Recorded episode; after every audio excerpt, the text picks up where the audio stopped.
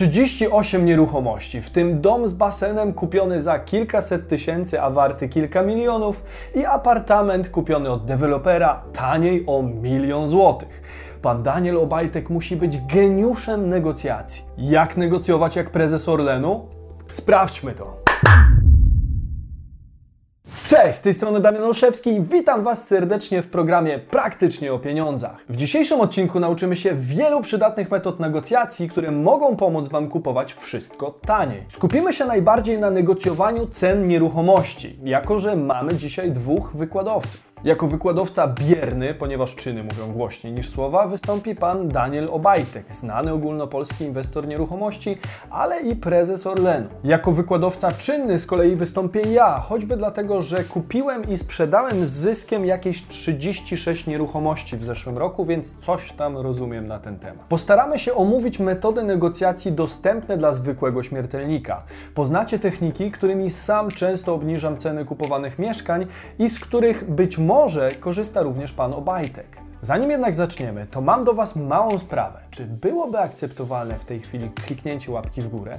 Jeśli nie, to co musiałoby się wydarzyć, żebyście zechcieli to zrobić? W ten sposób przejdziemy sobie do pierwszej zasady, czyli umiejętności zadawania odpowiednich pytań. Mówi się, że w życiu nie ma głupich pytań. Jednak gdybym Was zapytał o to, czy pan Obajtek mógł wynegocjować apartament w Warszawie za cenę o milion złotych niższą, niż ta ofertowa, to większość z nas by się zaśmiała. A więc głupie pytania istnieją.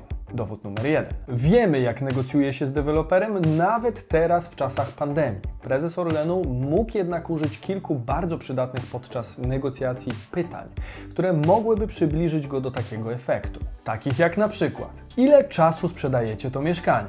Jeśli długo, to jest się czego chwycić. Być może sprzedawca będzie już zmęczony przyjmowaniem kolejnych zainteresowanych, a tym samym bardziej skory do podjęcia natychmiastowego działania. Wtedy zwykle proponuje konkretną kwotę, płatną gotówką w terminie najkrótszym z możliwych, a umowę spisujemy tu i teraz. Kolejne pytanie: dlaczego finalnie sprzedaje Pan mieszkanie? Warto poznać motywację sprzedającego, a nieraz i historię mieszkania. To pozwoli nam lepiej zrozumieć naszego rozmówcę. Może się okazać, że intencje sprzedającego mogą pomóc nam w zakupie. Dla przykładu, kiedyś pewna pani sprzedająca chciała się przeprowadzić ze swojego sprzedawanego w tej chwili mieszkania do innego z wszystkimi swoimi meblami.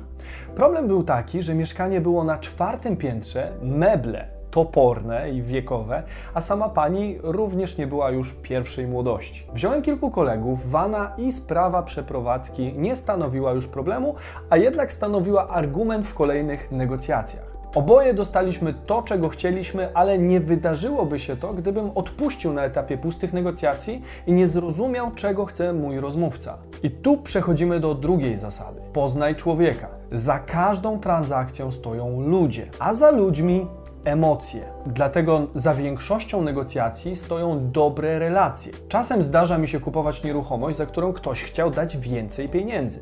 Dlaczego? Dlatego, że właściciel mnie polubił. Nie żartuję. Otwartość w rozmowie i autentyczność może być warta więcej niż nawet kilka tysięcy złotych. Wystarczy z uwagą i zrozumieniem słuchać i po ludzku porozmawiać. Często spotykam się z tym, że ludzie, którzy mają duże pieniądze, niekoniecznie traktują rozmówcę jak równego sobie. To poważny błąd w negocjacjach, którego na pewno nie popełnił pan Obajtek, kupując dom z basenem, warty może i kilka milionów złotych za 250 tysięcy. Wyobrażam sobie, że w takiej sytuacji trzeba wręcz ociekać zrozumieniem i aprobatą, a właściciel mógł być lekko opity wodą z basenu. Kolejna zasada to przygotuj się i działaj błyskawicznie. Tego samego dnia, w którym nagrywam ten materiał dla Was, udało mi się dopiąć kolejną transakcję w Rumi, dlatego że byłem przygotowany. Mimo, że to nie jest mój codzienny teren, bo zwykle działam w Trójmieście, to wiedziałem, że to jest okazja. Sprawdziłem to po prostu. Pan Obajtek musiał doskonale wiedzieć, jak kształtują się ceny w Warszawie, Łebie, Myślenicach, Kopalinie, Łężkowicach, Borkówku czy Sasinie. Więc i ja byłem w stanie sprawdzić, jak ceny kształtują się w Rumi. Wiedziałem, gdzie jadę, wiedziałem, jakie ceny są w okolicy i za ile będę mógł sprzedać później mieszkanie.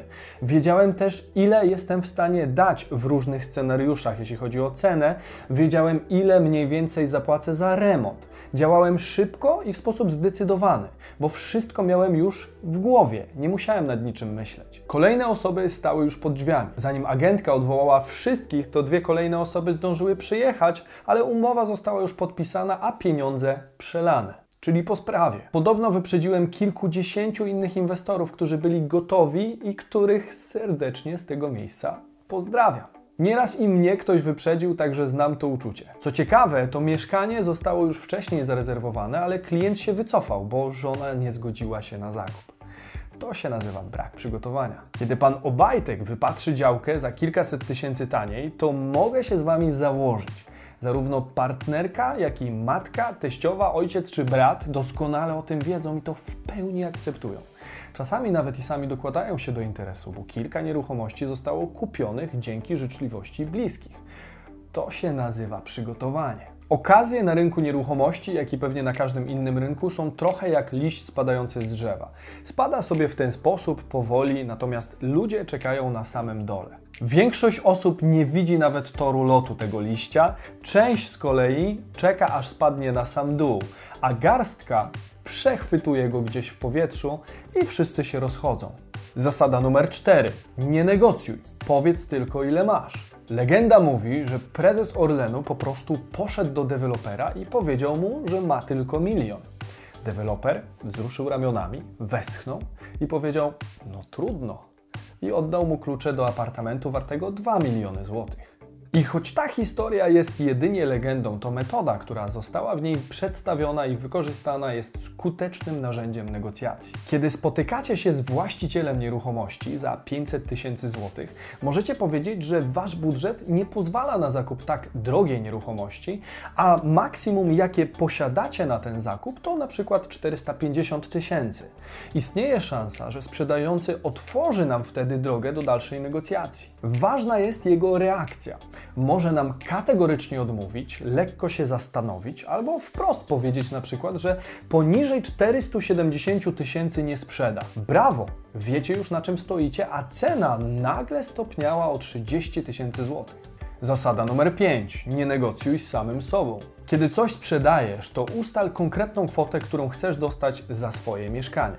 Niech będzie realistyczna, bo ludzie też mają swój rozum. To samo, kiedy kupujemy mieszkanie. Ustalamy konkretną maksymalną cenę, parametry mieszkania, jakie piętro, wielkość, ilość pokoi itd., tak itd. Tak I tego się trzymamy. Dobrze, jakbyśmy zobaczyli to mieszkanie oczami wyobraźni. Każde odstępstwo od tych kryteriów jest dla nas wtedy dodatkowym powodem do negocjacji. Dla przykładu możecie powiedzieć: Nie ukrywam, że zawsze chcieliśmy mieć z żoną ogródek. Taras to nie to samo, ale jeśli nieco zejdzie Pan z ceny, to może uda mi się przekonać do tego małżonkę. Prosta metoda. Następnie oferujecie konkretną kwotę. Prawda jest taka, że sprzedawcy również zależy na tym, aby sprzedać i nierzadko czuje się odpowiedzialny za braki w mieszkaniu.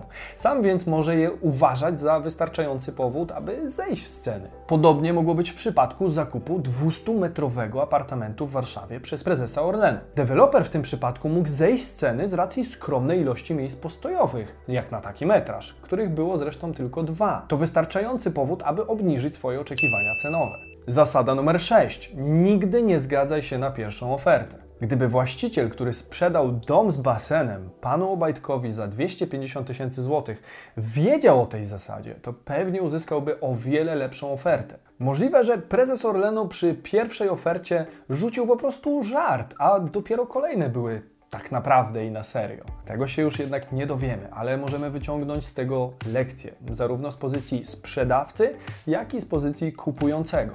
Jako sprzedawcy nigdy nie zgadzamy się na pierwszą ofertę, nawet jeśli jest już dobra, nawet jeśli spełnia już nasze minimalne oczekiwania. Never ever i tyle. Zwykle ludzie nie wystrzelą się na początek z wszystkich kart, które trzymają w zanadrzu. Korzystniej będzie poczekać, aż wyciągną ofertę ostateczną i zgrywać trochę niedostępnego. Zwykle ta pierwsza oferta nie pokrywa się z ostateczną, zatem kilka kolejnych minut przeciągania liny w postaci kontrofert może być warte dla nas kilka, jeżeli nie kilkadziesiąt tysięcy złotych. Kto ma taką godzinówkę? Z kolei jako kupujący nigdy nie oferujcie ceny jako pierwsi. Oczywiście, jeśli da się tego uniknąć.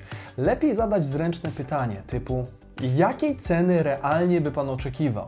Jaką cenę byłby Pan skłonny zaakceptować? Jaka kwota wchodzi w grę za to mieszkanie? Oddajcie inicjatywę drugiej stronie. Niech to on najpierw się określi. W wielu przypadkach sprzedający zejdą z ceny ofertowej już wtedy, a w przypadku zakupu mieszkania może się to wiązać z oszczędnością rzędu kilkudziesięciu tysięcy złotych, które zostaną w Waszej kieszeni. Kupujmy mądrze i sprzedawajmy z rozwagą. Może za jakiś czas uda się nam osiągnąć mistrzostwo w negocjacjach, których ogólnopolskim patronem stał się niedawno Daniel Obajtek. Jeżeli chcielibyście też poznać więcej taktyk, to dajcie znać koniecznie w komentarzu, a jeśli ten odcinek był dla Was wartościowy, zostawcie koniecznie łapkę w górę i obejrzyjcie następny film tutaj. Nie zapomnijcie też o subskrypcji i do zobaczenia w kolejnym filmie. Cześć!